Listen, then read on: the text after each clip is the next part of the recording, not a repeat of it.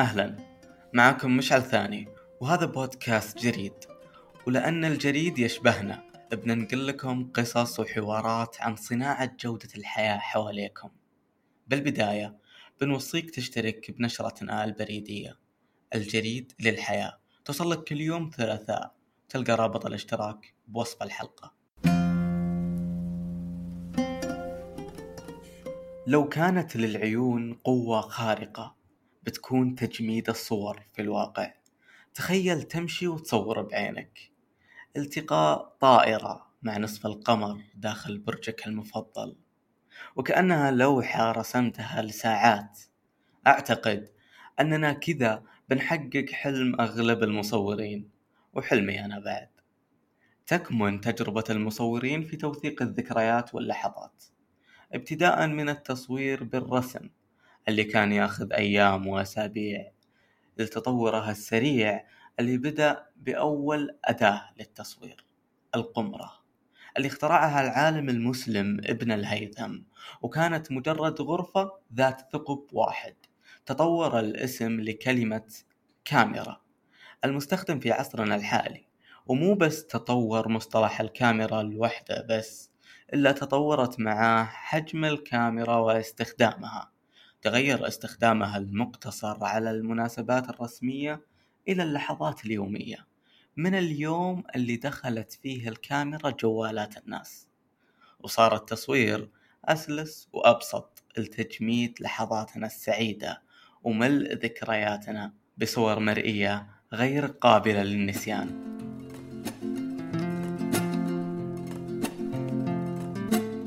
ولأن أهل مكة أدرى بأشعابها بنستضيف مجمد اللحظات المصور أحمد آل عواض مصور وكالة واس للأنباء. نسأله عن التصوير وشغله كمصور في وكالة واس وأمور بينهم. صديق جريد اشترك في البودكاست وشارك الحلقة مع المصورين حولك. ودائما نحن نقرأ تعليقاتكم بحماس واهتمام. شاركنا على tuesday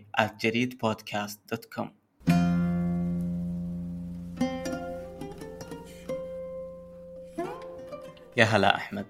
نورتنا في بودكاست جريد هلا فيك أخوي مشعل سعيد بتواجدي معكم سعيد بتواجدي في قناتكم. يا آه، حبيبي ألف نورتنا. شكر لكم يعطيكم العافية إن شاء الله. أحمد أنا بتعرف عليك قبل المستمعين وأبيك تعرف عن نفسك. من هو أحمد العواض؟ الله يحييك أخوي مشعل. أحمد العواض آه، مصور. آه، في البداية كانت آه، تقريبا هواية. والحمد لله تطورت من فترة لفترة وأصبحت عمل الآن. آه، لا شك إني أمارس العمل مع الهواية آه، كلها سوا. طيب ليش اخترت آه، مجال التصوير؟ في الحقيقة مجال الإعلام واجد ولكن شفت أن شغفي في التصوير أكثر.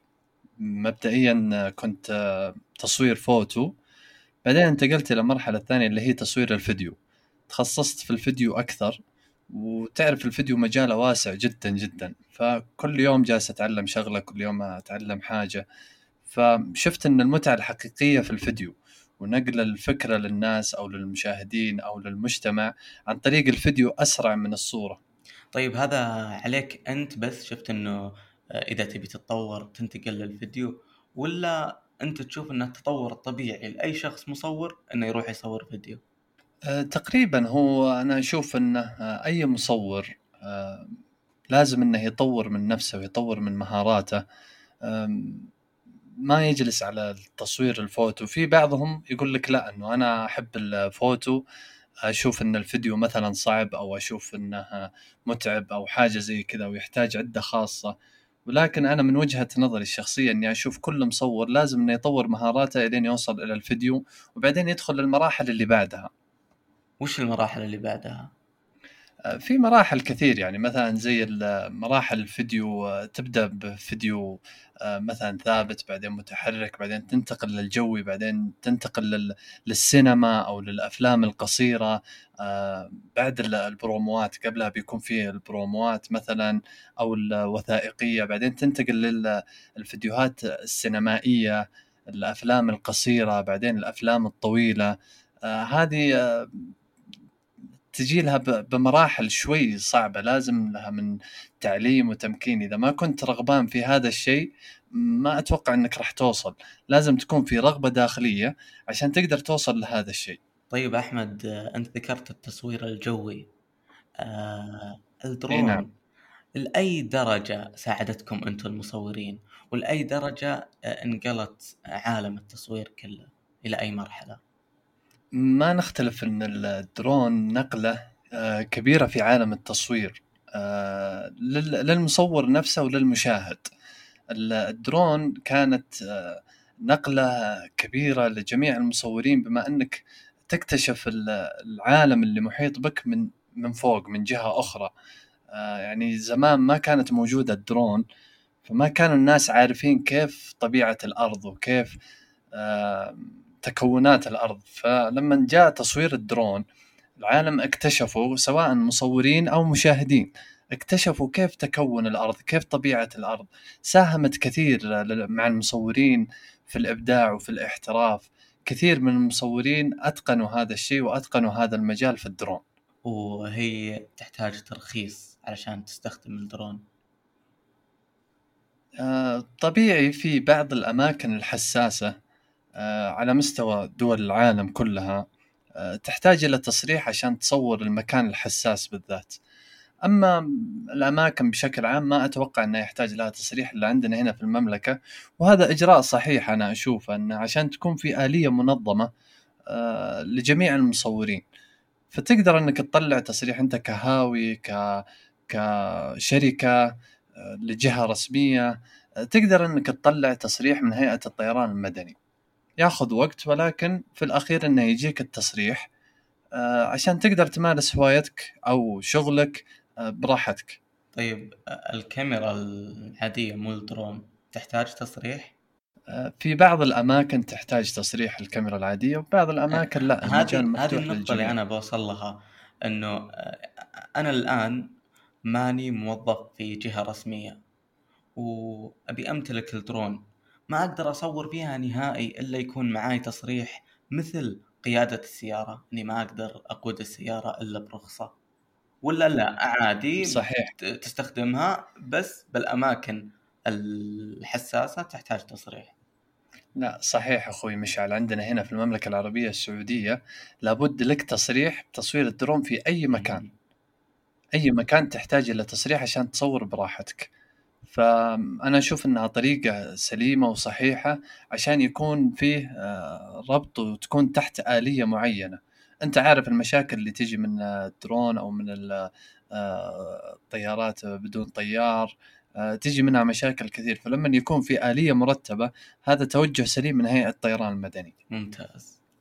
طيب وش رأيك باللي يقولون عيش اللحظة وانبسط بكل تفاصيلها ولا تصور؟ يعني ممكن لما تسافر دولة جديدة أو تروح مكان جديد ودك توثق اللحظة هذه وتصورها.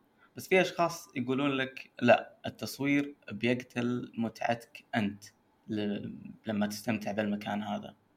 أنت كمصور أكيد أنك تصور كثير. فإيش رأيك بالكلام هذا؟ أكيد أكيد. في هذه معك حق المصور في العادة ما يستمتع باللحظة قد ما هو يكون تركيزه في التصوير. ولكن في أغلب الأوقات انه يكون عندك وقت إنك تصور وقت إنك تعيش اللحظة.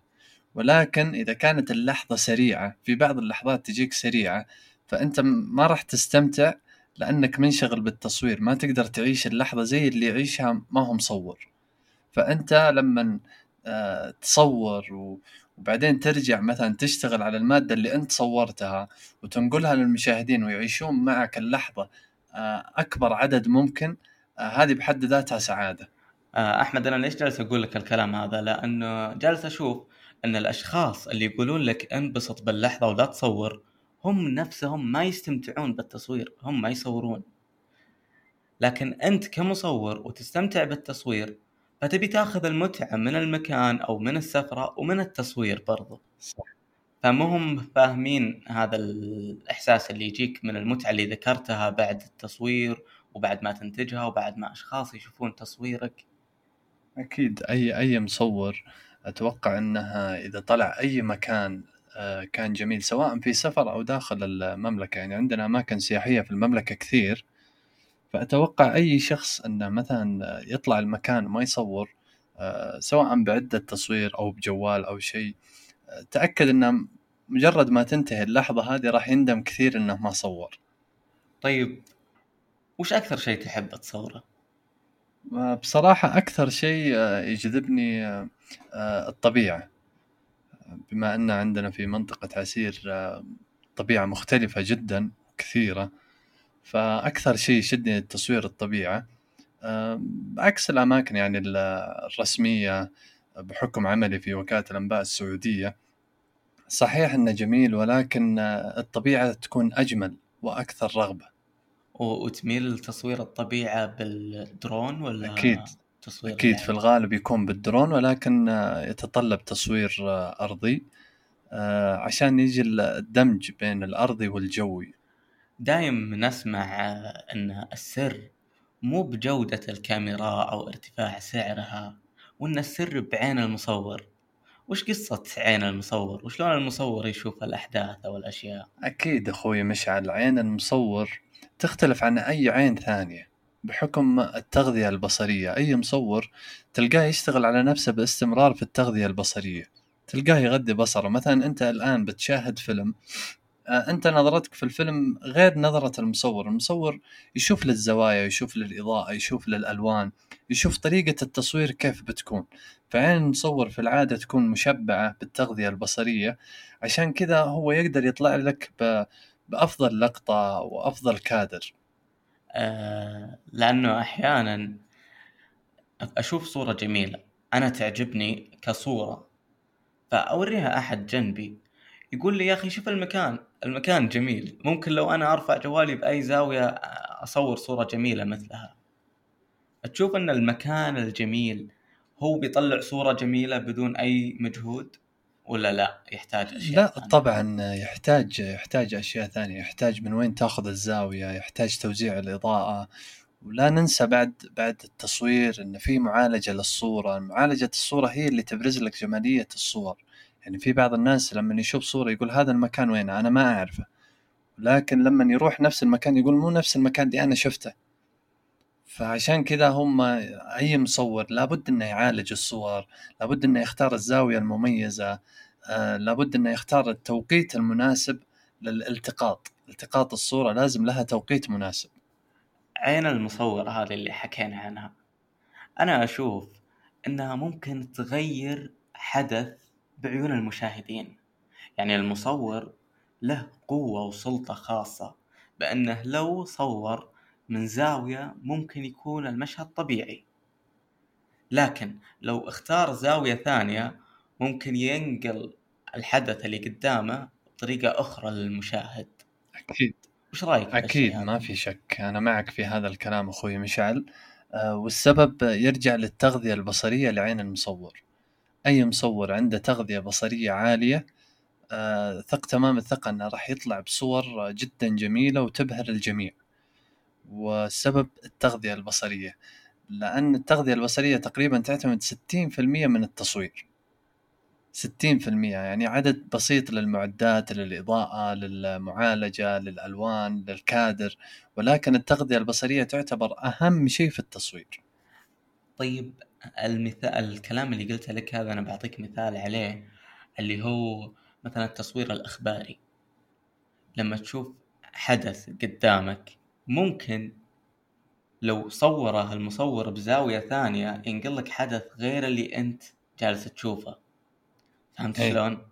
يعني دائما بالأخبار لما نشوف آه، أي حدث آه، في لقطات إحنا ما نشوفها لأن المصور حصرنا بهذه الزاوية فهذه قوته هذه السلطة اللي عنده.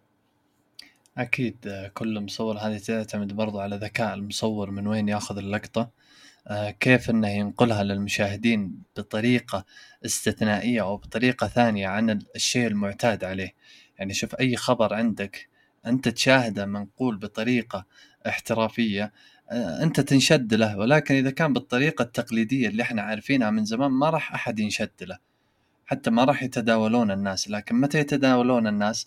إذا صار المصور جايبه بطريقة ثانية ومن زاوية أخرى آه، ما حد يتوقع أنه يطلع بهذا الكادر.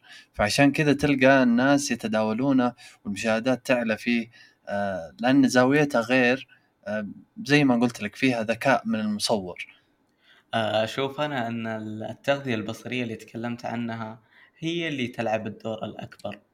آه، لأن حتى الأشخاص اللي مهم مصورين اللي بيتلقون آه، هذا العمل من المصور هم بعد صار عندهم تغذية بصرية من مواقع التواصل والسهولة اللي صارت بمشاهدة الأفلام بدل الواحد يتعنى ويروح للسينما صار يشوفها بالبيت. فصار عنده تغذية بصرية كبيرة فما صار يعجبه أي تصوير. لازم حتى المصورين يعرفون إن المشاهد ترى ذائقته ارتقت لشيء أعلى. فلازم إنهم يبدعون بشيء أكبر. أكيد. ما ما في شك الآن أنت لما تقارن المشاهدين زمننا هذا قبل عشر سنوات أو عشرين سنة مختلفين اختلاف كلي. فأنت كمصور لازم إنك تجتهد على نفسك وتشتغل على نفسك عشان تطلع بشيء مميز. إذا طلعت بشيء عادي ما راح ما راح يعني آه، يعجب الناس أو يلفت الانتباه. فلازم إنك تشتغل على زي ما قلت لك على التغذية البصرية لأن الذائقة اختلفت. صارت الذائقة جدا عالية عند الناس وصاروا يفرقون بين الاحتراف وبين الهواية وبين الشيء العادي. فأنت لازم أنك تتميز بشغل يعني على ما يقولون شغل جبار تطلع بشغل جبار تنشره. يعني أكيد أي مصور تلقاه عنده أرشيف. أكيد انه عنده أرشيف مستحيل إنه ينشره لأنه يعني ممكن إنه ما هو احترافي مية في المية تلقاه يحتفظ فيه لنفسه يعتبر أرشيف. ممكن يوظفه بعدين في أي مكان أو أي فيديو أو أي لقطة أو أي حدث ولكن يبقى عنده أرشيف كبير أي مصور. مستحيل إنه ينشره إلا في أحداث معينة. فتشوف أغلب المصورين يحتفظ بالأرشيف ما ينشره ليه؟ لأنه ما هو احترافي لأن ذائقة المشاهدين اختلفت اختلاف كلي. طيب عن جودة الحياة. وش هي جودة الحياة بعيون أحمد المصور؟ والله شوف بالنسبة لجودة الحياة بعيوني أنا كمصور إني أطمح للوصول إلى أعلى من اللي وصلت له. آه، أطمح إني أوصل لشيء لليفل عالي في التصوير زي ما قلت لك مثلا مجال السينما أو الأفلام السينمائية. آه هذه ممكن أنها توها في السنوات الأخيرة بدأت عندنا في المملكة ولكن نطمح أن نكون من الأوائل في السينما. طيب الأشخاص اللي يشوفون الصور أو مقاطع الفيديو اللي تصورها شلون أعمالك هذه تأثر على جودة حياتهم؟ مبدئيا زي ما قلت لك مثلا لما نتكلم عن الطبيعة أنت لما تكتشف مثلا مكان مكان معروف يعرفون الناس ولكن ما يدرون إن هذا الشيء فيه بالشيء اللي أنا نقلته لهم. فتشوفهم يطمحون إنهم يروحون لهذا المكان يزورونه يتصورون فيه زي كذا. في كثير برضو يجون يبغون يتعلمون الاحتراف يتعلمون التصوير. آه، كثير في ناس الآن آه، صرنا إحنا على ما يقولون في زمن السرعة. فصاروا الناس آه، يبغون إيش؟ يلحقون العالم. فصار التصوير يوصل الشيء أسرع من غيره. فكثير من الناس صاروا يبغون يتعلمون التصوير عشان هذا الشيء. طيب أحمد سولف لنا عن كواليس وكالة واس. أنت كمصور سولف لنا عن الكواليس اللي تصير هناك. إيش طريقة العمل اللي تكون علشان تطلع بعمل جميل والله. كفيديو يعني؟ والله شوف أخوي مشعل بالنسبة لكواليس واس ممكن الأغلب يشوفون المنتج النهائي إذا مو الكل يشوف المنتج النهائي ولكن ثق تمام الثقة أن أي تقرير من تقارير واس يكون العمل فيها جدا جدا متعب. ولكن بما أنه متعب فهو ممتع. فإحنا نستمتع بهذا الشيء. آه، مبدئيا يكون في عنوان آه، تحرر عليه مادة كاملة آه، تنشأ عليها صور فوتوغرافية يصورون صور فوتوغرافية بعدين نجي إلى مجال الفيديو. الفيديو إن نوظف المادة هذه التحريرية ككل نختصرها للناس من دقيقة إلى دقيقتين ونص. نحاول نختصر الكلام هذا كله لأنك أنت زي ما قلت لك أنا إحنا الآن في زمن السرعة. الناس ما عاد عندها وقت إنها تقرأ. الناس صارت تشاهد أكثر مما تقرأ. فما ما عندها الناس ما عندهم وقت إنهم يقرون خبر كامل. فصرنا إحنا نوصل للناس الخبر هذا بطريقة الفيديو. فلازم إن نسوي كواليس له ولازم إن نسوي ترتيبات و آه، نحدد المواقع والكوادر والأشخاص اللي يظهرون ونرتب الكلام عشان يطلع للناس بشكل مختصر وجميل. طيب الفيديو هذا اللي تسوونه حتى لو كان الناس ما عندهم وقت إنهم يقرون أه تشوف إن الفيديو اللي أنتجته هذا يغني على المكتوب؟ أه في السنوات الأخيرة أنا أشوف إنه يغني بكثير. أغلب المشاهدين صاروا يشاهدون وما يقرون الأغلب. أه إلا المهتمين في أغلب المهتمين إذا شاف مقطع الفيديو يدخل على المادة المحررة ويقراها كاملة. بس الأغلب يشاهد الفيديو ويشاهد الصور ويكتفي بذلك. طيب السياحة. قديش ممكن يضيف التصوير للسياحة بالسعودية؟ أنتم كمصورين إيش دوركم؟ إيش قادرين تضيفون للسياحة بالسعودية؟ والله شوف بالنسبة للسياحة بالنسبة للسياحة آه، إحنا كمصورين آه، لنا أثر كبير. ما هو أنا شخصيا الكل المصورين لهم أثر كبير في السياحة الداخلية. لأن الآن آه، لما تتكلم عن مساحة المملكة العربية السعودية مساحة كبيرة جدا. مستحيل إنك تلقى إلا أشخاص قليلين جدا إنهم لفوا المملكة. أشخاص قليلين جدا. فإحنا جالسين نوصل لهم الشيء اللي عندنا أو الشيء الجمالي في أي منطقة كانت سواء منطقة عسير منطقة الرياض آه، منطقة مكة الشمال في أي مكان من مناطق المملكة. إحنا جالسين نوصل للمشاهدين الأشياء آه، الجمالية اللي عندنا في في هذا البلد. فكثير من الناس آه، يجون بناء على التصوير بناء على المشاهد اللي يشوفونها بناء على الطبيعة اللي يشوفونها. بناء على الأماكن المميزة. آه، أغلب الناس صاروا يجون آه، بناء على التصوير. آه، يعتبر التسويق رقم واحد للسياحة سواء السياحة للمجتمع الداخلي أو لدول العالم الخارجية. إيه أنا شفت حتى كثير يعني من صناع المحتوى الأجانب. صاروا يتعنون علشان يصنعون محتوى بالسعودية. فأكيد إنهم شافوا مقاطع أو فيديو رغبتهم بالشيء هذا. أكيد ما في شك وأنت عندك هنا آه، تنوع في الطبيعة تنوع عجيب سبحان الخالق. في المملكة تلقى عندك جميع أنواع الطبيعة آه، تنوع عجيب. فهذا شيء يجذب سواء المخرجين سواء المصورين سواء السياح آه، أي شخص كان يجذبه هذا التنوع العجيب. التنوع العجيب هذا كيف وصل لهم؟ وصل لهم عن طريق التصوير عن طريق ال social media عن طريق الصفحات الرسمية فعشان كذا هم يجونك بناء على الشيء اللي شافوه ويبنون فكرة من هناك ويجون يطبقونها هنا طيب أحمد للي يسمع الحلقة الآن وهو مهتم بمجال التصوير لكن ما عنده هذيك الخبرة الكبيرة اللي عندك أنت بما أنك تعمل بشكل رسمي مصور. إيش فيه أشياء معينة تقدر تقولها له علشان يحسن من تصويره حتى لو كان يصور بالجوال؟ إيش تقدر تعطيه نصيحة من خبرتك؟ والله شوف مبدئيا التصوير أصبح سهل جدا جدا أكثر من السابق. الآن آه، أي شخص يجيني يبغى يتعلم تصوير أو هاوي الشغلة بس ما هو عارف من وين يبدأ آه، يبدأ أول شيء من التغذية البصرية. يشتغل على نفس التغذية البصرية بعدين حتى لو كان عنده جوال يعني مو ضروري إنه آه، يمتلك كاميرا احترافية. اليوتيوب يعلم كل شيء يعلمك من الصفر إلى المية. آه، أنت لما يكون عندك حب للشغلة راح تتعلمها وراح تتقنها.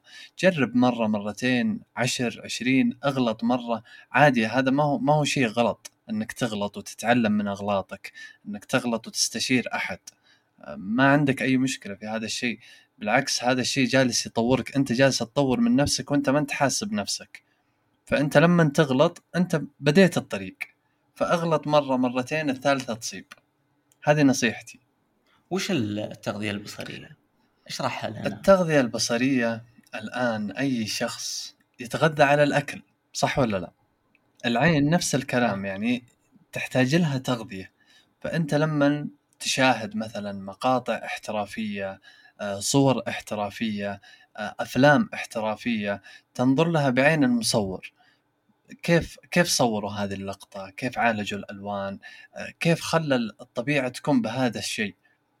هذه هذه التغذية البصرية إنك تغذي عينك بالأشياء الاحترافية من وين أنت تغذي عينك؟ وش المصادر اللي تستخدمها؟ والله في في الغالب الأفلام آه، الصور الاحترافية آه، بعض المصورين عندنا موجودين هنا في المملكة آه، مبدعين فيه برضو ال- المواقع الأجنبية مواقع المدن اللي في مثلا في الحسابات الإنستغرام أو التويتر أو مواقع المدن ال- العالمية.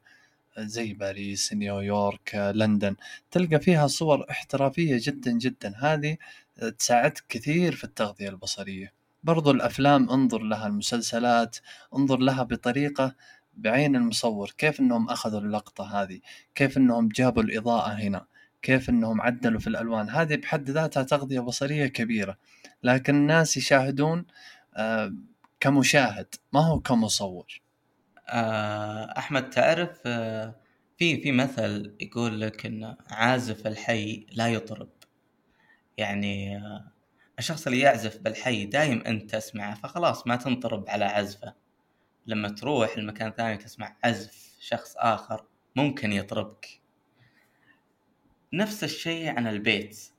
الشخص ممكن أول شيء يسويه إذا فكر أنه يبي يصور ممكن يطلع جواله أو كاميرته اللي شراها علشان يتعلم إذا بنقول يعني توه بادي يصور بالبيت. تشوف أنه عادي يصور بالبيت ولا لا؟ زوايا البيت والأشياء اللي فيها صارت اعتيادية بعينه ممكن ما يطلع منها بشيء جميل. فيتعنى يطلع يروح آه، فيها فيها يعني مساحات جميلة ويصور فيها ولا لا تقول أنت لا بالعكس يقدر يصور من البيت ما له داعي يتعنى علشان يتعلم. لا بالعكس أنا معك في المثل هذا. مهما يصور صور احترافية في البيت ما راح تقنعه ولا ولا راح ترضيه لأنه هو متعود على هذا الشيء فما راح يشوفه بشكل جمالي. لكن لما يتعنى المكان ويروح المكان أي مكان سواء طبيعة سواء غيره أي نوع من أنواع التصوير أهم شيء أنه يطلع من من المكان اللي هو فيه. أقلها لو ما طلع بنتائج حلوة أقلها أنه غير جو. بس إنه يطلع من المكان اللي هو فيه عشان آه، يحس بالتعب اللي هو تعب فيه وراح يتعمد مرة ومرتين وثلاثة إلين تضبط معه. أما إذا كان في نفس البيت مقفل على نفسه ما راح يطلع بنتيجة جدا جميلة. ولا راح تقنعه حتى لو كانت النتائج جدا جميلة ما راح تقنعه هو كشخص. فعشان كذا يفترض عليه إنه يطلع يدور للأماكن الجميلة واللي يشوفها بعينه جميلة يصورها. وإذا رجع يراجع نفسه ويراجع الصور ويشوف هل هي فعلا مميزة ولا لا. لأنه يعني معترف إنه لما يرجع راح يقول ليتني أنا مثلا جيت من الجهة الثانية ليتني خليت هذا الشيء كذا.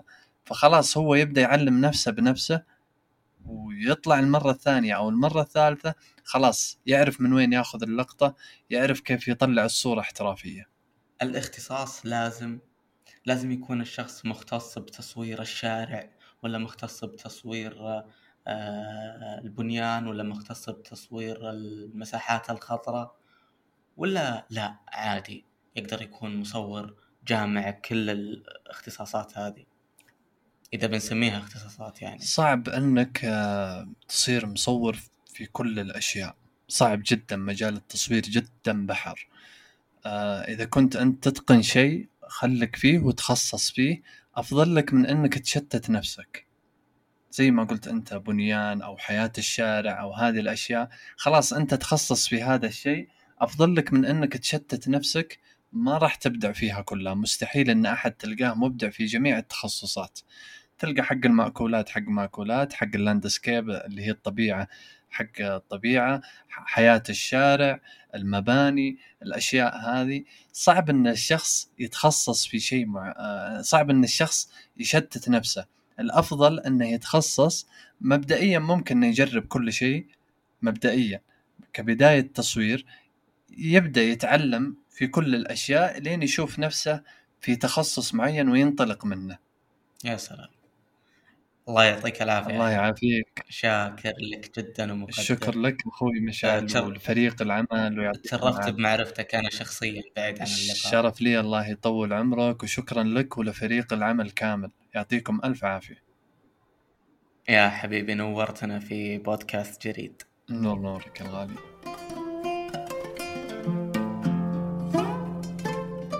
صديقنا شكرا لأنك وصلت نهاية الحلقة. قيم البودكاست على الآيتونز وقل لنا رأيك أنت عن الحلقة بصراحة. قدم الحلقة لكم مشعل ثاني وفي إعداد وكتابة نص الحلقة رهف المنصوري. إنتاج بشغف بودكاست جريد.